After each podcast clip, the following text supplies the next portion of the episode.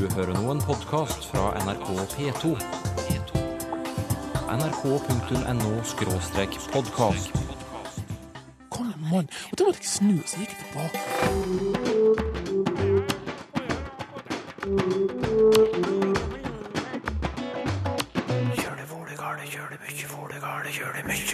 Ni hao, wo jia an si. Wo shi norwei.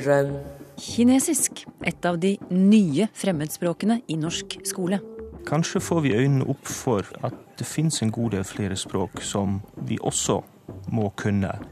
Å oversette en sangtekst, det er nesten som å løse sudoku. Når jeg begynte å oversette sanger, så opplevde jeg vel at det ble fryktelig mye telling. Hvor mange stavelser er det i den opprinnelige teksten? Du, det her, det var et veldig merkelig ord, Sylfest Lomheim. Dette er et ord som var tatt i bruk i Oslo på 1970-tallet. Å ja. Mm, Si litt om ordet, da. Ja, her er det trangt, for dobbeltsenga er ganske stor. Uh, ja vel. Og så er det så lite plass at de må komme inn på begge sidene av senga i hver sin dør, for ellers så kommer ikke de inn i rommet. Ok, dette ser jeg fram til å få oppklart litt senere i sendingen. Norsk skole har fått øynene opp for det vi kan kalle de nye fremmedspråkene. Stadig flere elever får tilbud om alternativer til de tradisjonelle tysk, fransk og spansk. Da kan det høres slik ut.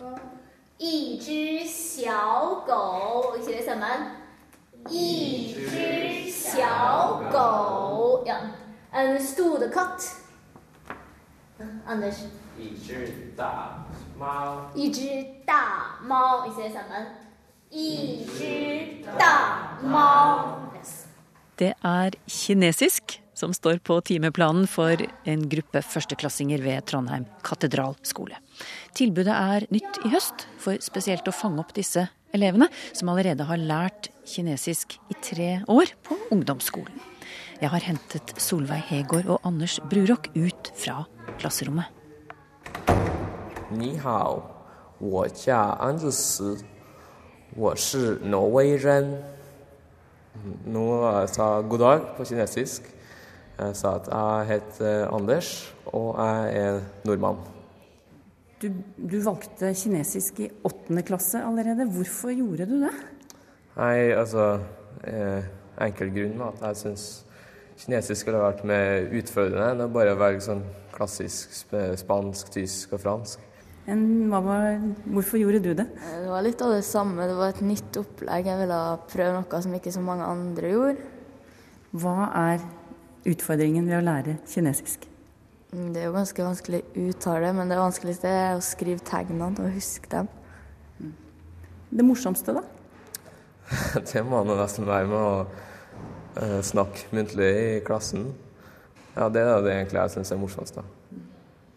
Men nå har dere begge to valgt å fortsette med kinesisk på videregående. Hva skal du bruke det til, Anders? Jeg personlig så trodde jeg at jeg kom til å bli noe sånn økonom sjøl. Da så jeg på kinesisk som en eh, veldig bra pluss i jobbsøking, for da kunne jeg kommunisere med det store Kina.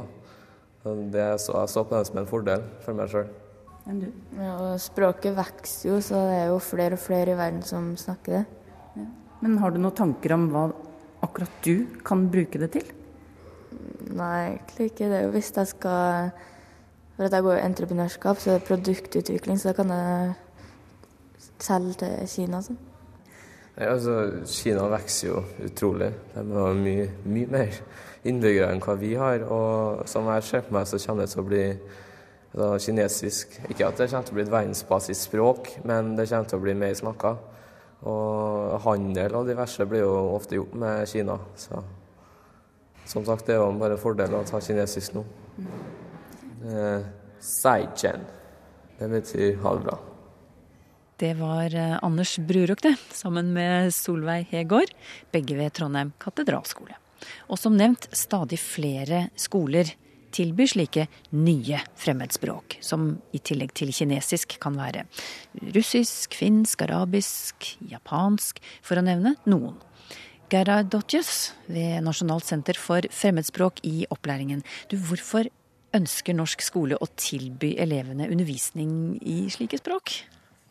Én ting er at eh, land som Kina og Russland og de arabiskspråklige land, de, de, er faktisk ganske viktige for oss. Eh, men ikke bare det.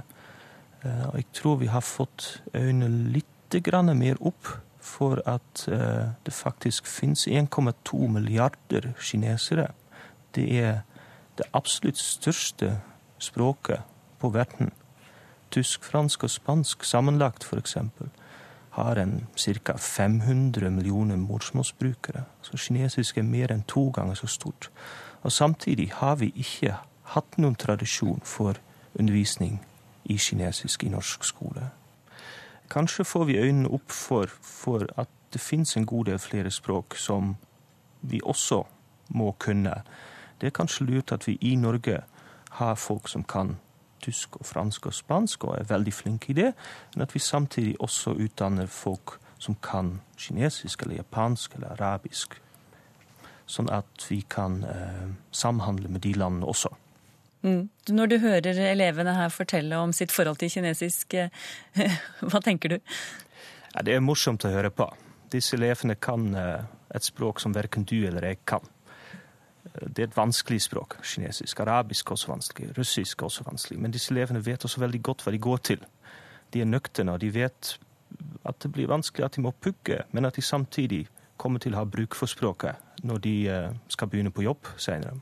Jeg forstår det slik at kinesisk er i ferd med å bli et ettertraktet eh, fremmedspråk i norsk skole. Hva kommer det av? Ja, nå I de siste to-tre årene er det flere og flere skoler som begynner med kinesisk.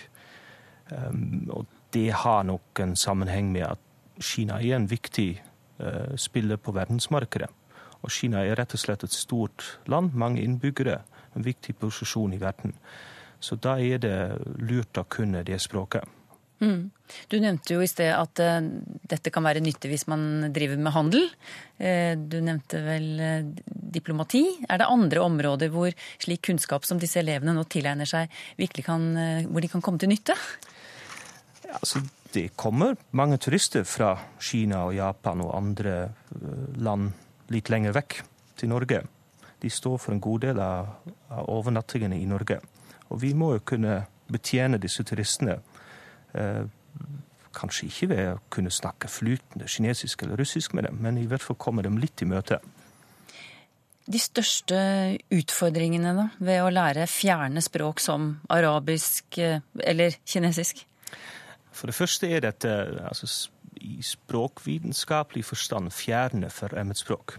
De kan godt være ganske nære geografisk sett, som russisk og arabisk, men språklig sett er de vanskelige. Det er noe man må innstille seg på. Man kan ikke legge ambisjoner så høyt som man gjør for uh, tysk, fransk og spansk. Ja. ja. Du sier altså de er forskjellige fra vårt språk, ja. Eh, både i skrift og tale. Hva slags nivå havner elevene egentlig på, la oss si etter endt eh, videregående skole? Altså, det er kanskje naivt å tro at uh, elevene kommer til å bli flytende i kinesisk. Men de lærer veldig mye. Kanskje mye mer enn det vi tror er mulig. Uh, de vil være i stand til å føre en, noenlunde spontan samtale. Presentere seg sjøl, fortelle litt om seg sjøl, forstå hva motparten sier, og ikke minst forstå aspekter ved kulturen som kan være litt vrien. Og hvis du klarer å komme over den terskelen, altså si noen ord, si noen setninger, si litt om deg sjøl, og ikke minst møte en person på sin egen banehalvdel, da har du en forsprang i, eh, i kontakten med Kina, arabiske land og Russland etc. Mange grunner til å lære seg fjerne fremmedspråk. Det mente Geira Dotjes ved Nasjonalt senter for fremmedspråk i opplæringen. Og selv om interessen for de nye fremmedspråkene er økende, så utgjør disse elevene bare 1-2% av alle som har fremmedspråk i ungdomsskolen og videregående skole. Foreløpig.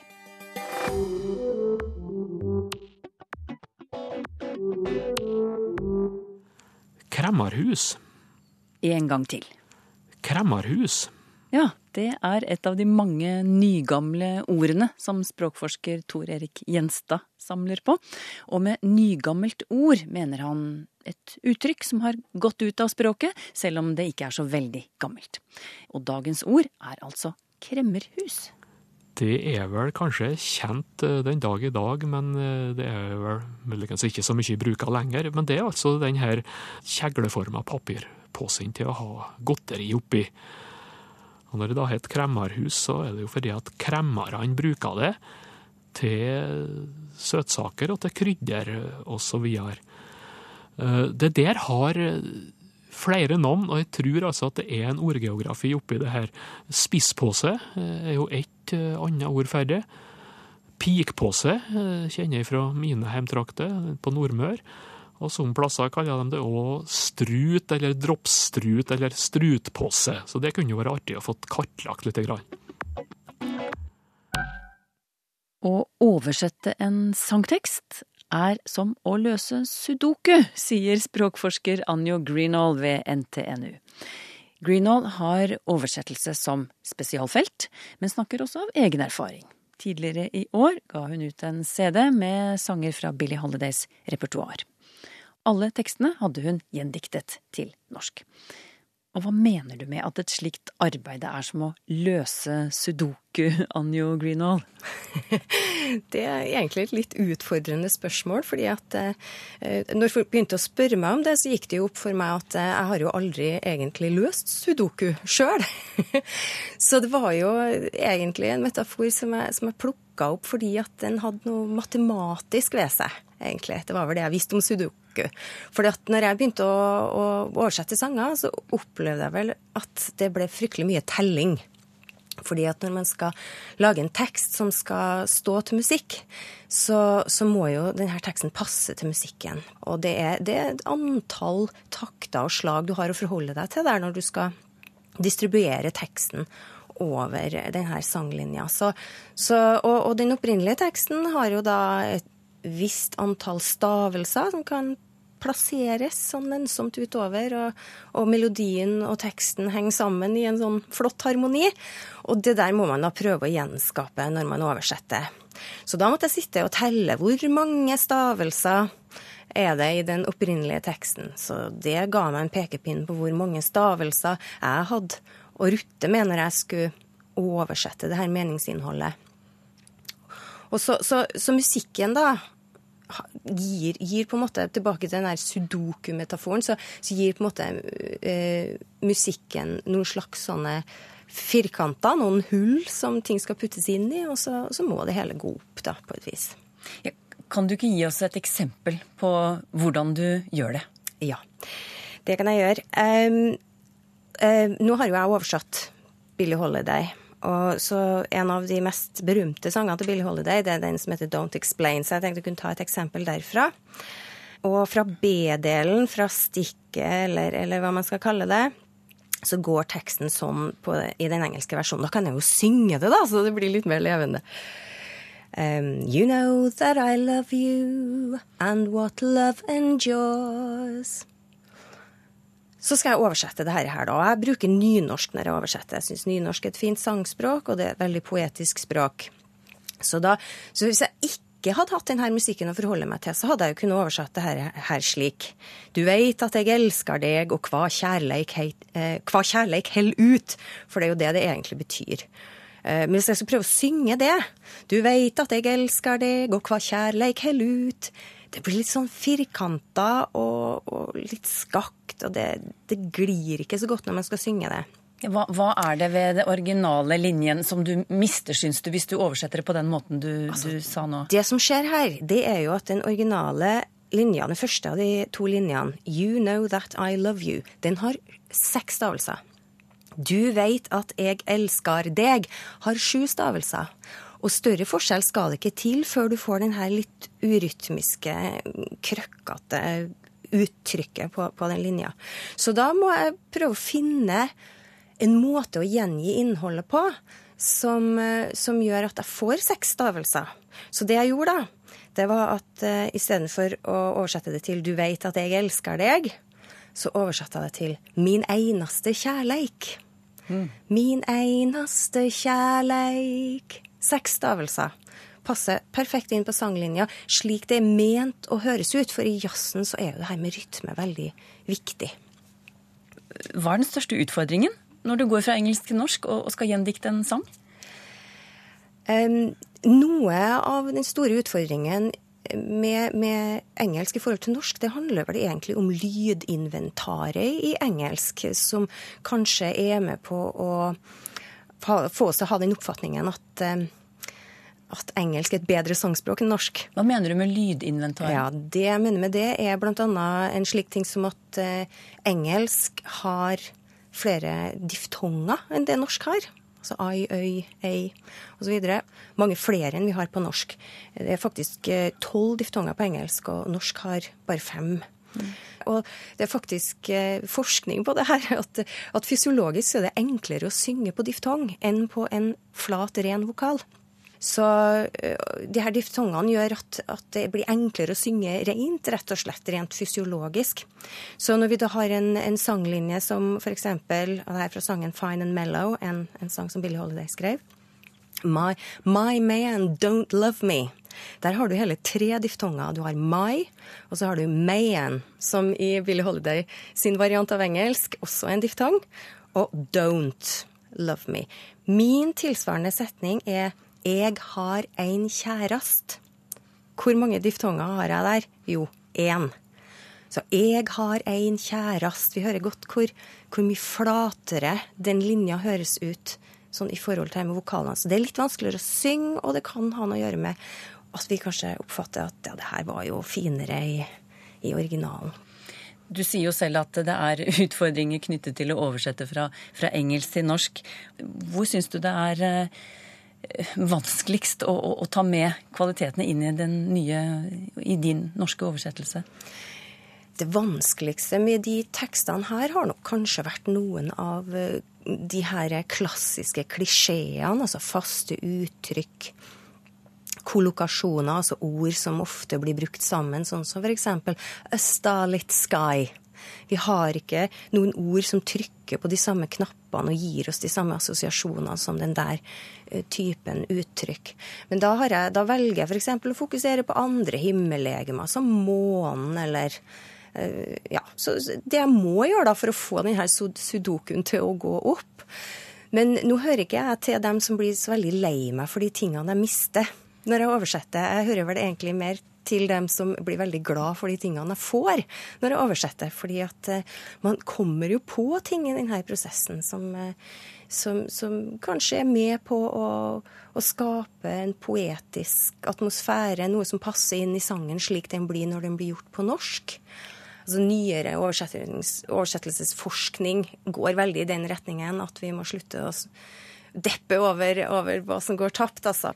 Det er mye mer fokus på oversetteren sin kreativitet, det at, eh, at det ikke er mulig å, å, lage en kopi av originalen, så oversetteren må inn med sin kreativitet, og at den teksten vi får, det er eh, en egen, selvstendig tekst som vi må forholde oss til på dens egne premisser.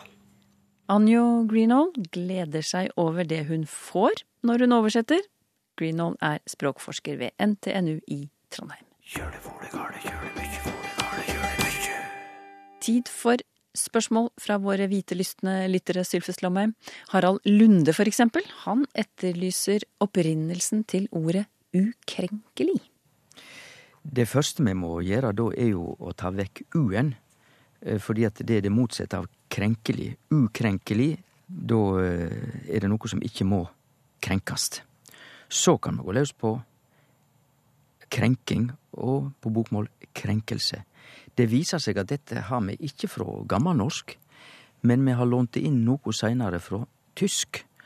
Og krenking er rett og slett i slekt med et velkjent tysk ord som mange i vårt land kan, nemlig krank, som betyr sjuk. Så hvis du krenker noen, eh, det er ikke det det betyr nå, men i opphavet så betyr det at da gjør du vedkommende sjuk, altså du reduserer vedkommende. Et brev fra Kristina Alme nå. Som arkitektstudent og praktikant, skriver hun, har jeg kommet over en spesiell type soverom som blir kalt Laila soverom. Og det er et soverom med dobbeltseng som står klemt mellom veggene i hodeenden og fotenden, slik at det må være to dører, én til hver side av sengen, for at man skal komme seg inn. Men hvorfor heter det Laila soverom? Og så lurer hun på om det er et gammelt fenomen. Ja, vi hører jo når Kristine Alme omtaler dette rommet at her er det trangt, for dobbeltsenga er ganske stor. Og så er det så lite plass at de må komme inn på begge sidene av senga i hver sin dør, for ellers så kommer ikke de inn i rommet. Litt upraktisk kanskje, men vi hører i alle fall at dette er soverom der de utnytter plassen eh, maksimalt. Og da er vi inne på opphavet til eh, ordet og hvor gammelt det er, for dette er et ord som var tatt i bruk i Oslo på 1970-tallet. Og da er vi jo i den perioden med bygging av drabantbyer og Obos-leiligheter og i det hele tatt der de var veldig arealbevisste. Og de som begynte å bruke dette ordet, var de som drev på med slik arealdisponering og planlegging, nemlig Norsk institutt for by- og regionforskning, NIBR, og også Sintef, altså dette forskningsinstituttet i, i Trondheim. Så det er i slike miljø at dette ordet oppstod på 1970-tallet. Men det er altså stadig vekk i bruk. Det jeg ikke har eh, funnet ut av, er hvorfor navnet Laila har blitt knytt til et så lite soverom. Og de arkitektene og eh, interiørarkitekter jeg har snakka med dette om, de veit ikke hvorfor hun Laila ble plukka ut. Og jeg må også legge til at jeg snakka med flere arkitekter som ikke hadde hørt om det, så dette uttrykket er ikke så velkjent, men det finst. Kanskje vi skal eh, høre med lytterne om de kjenner til hvorfor det, denne type soveromsløsning har fått navnet Laila. Da kan dere skrive til teigen krøllalfa nrk.no.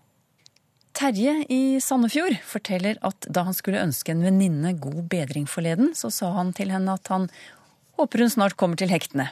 Hvor kommer dette uttrykket fra, spør han. Dette kommer fra klesplagg. For hektene er jo eh, små kroker der vi hekter plagget i hop.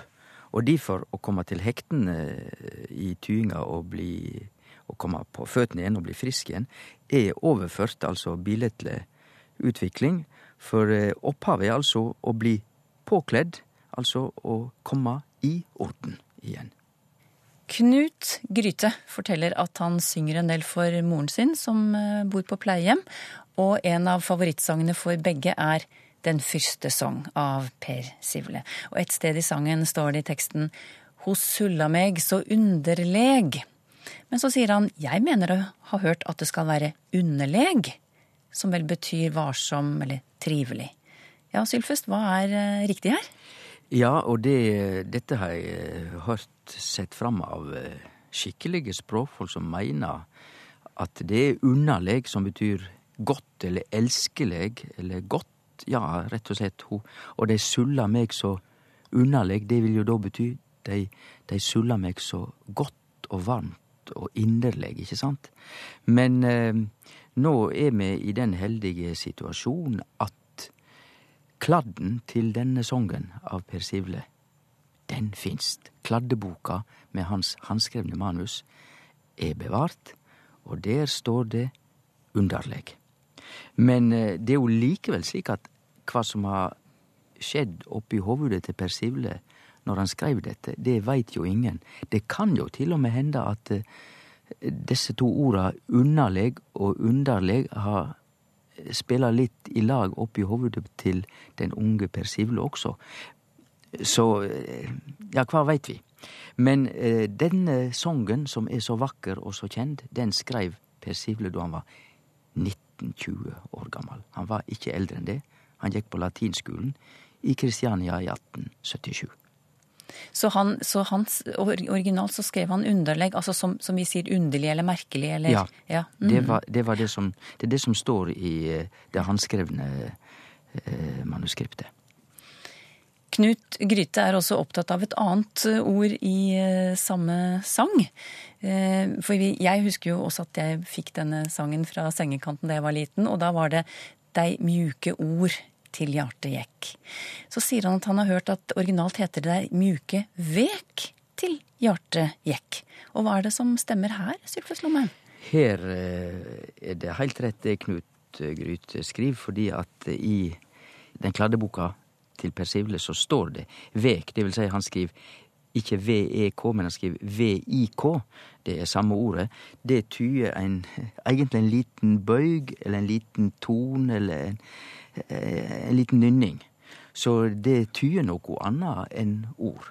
Og ordet ord kom inn for vek like etter at Per Sivle var død. Dette forteller Terje Aarseth, som har skrevet om slike sanger som dette i den fantastisk fine boka Den nynorske songskatten. Eh, han stadfesta at eh, ord kom inn i 1906. Så eh, der hadde altså skjedd ei endring i høve til Per Sibles original.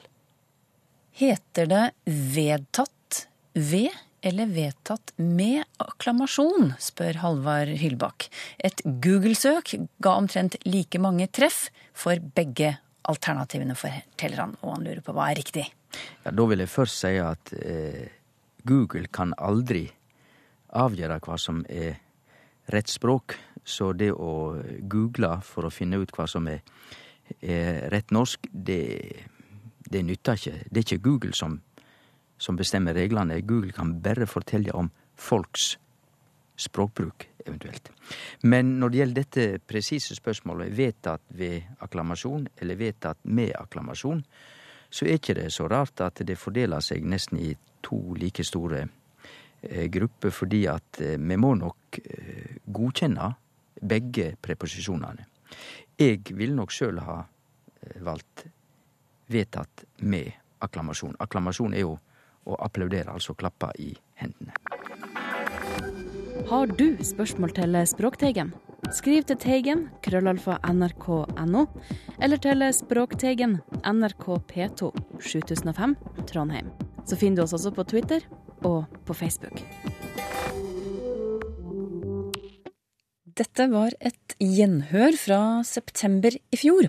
Men neste utgave av Språkteigen er ferskvare og handler bl.a. om at østkant og vestkant i Oslo smelter sammen, språklig sett. Og jeg husker godt at min bror ble født, og at min far skulle bære ham ut i bilen. og... Jeg har minne om at broren min ble født. For jeg ble plassert hos besteforeldrene mine og skulle være der og vente på at han skulle bli født. Språkteigen om en uke.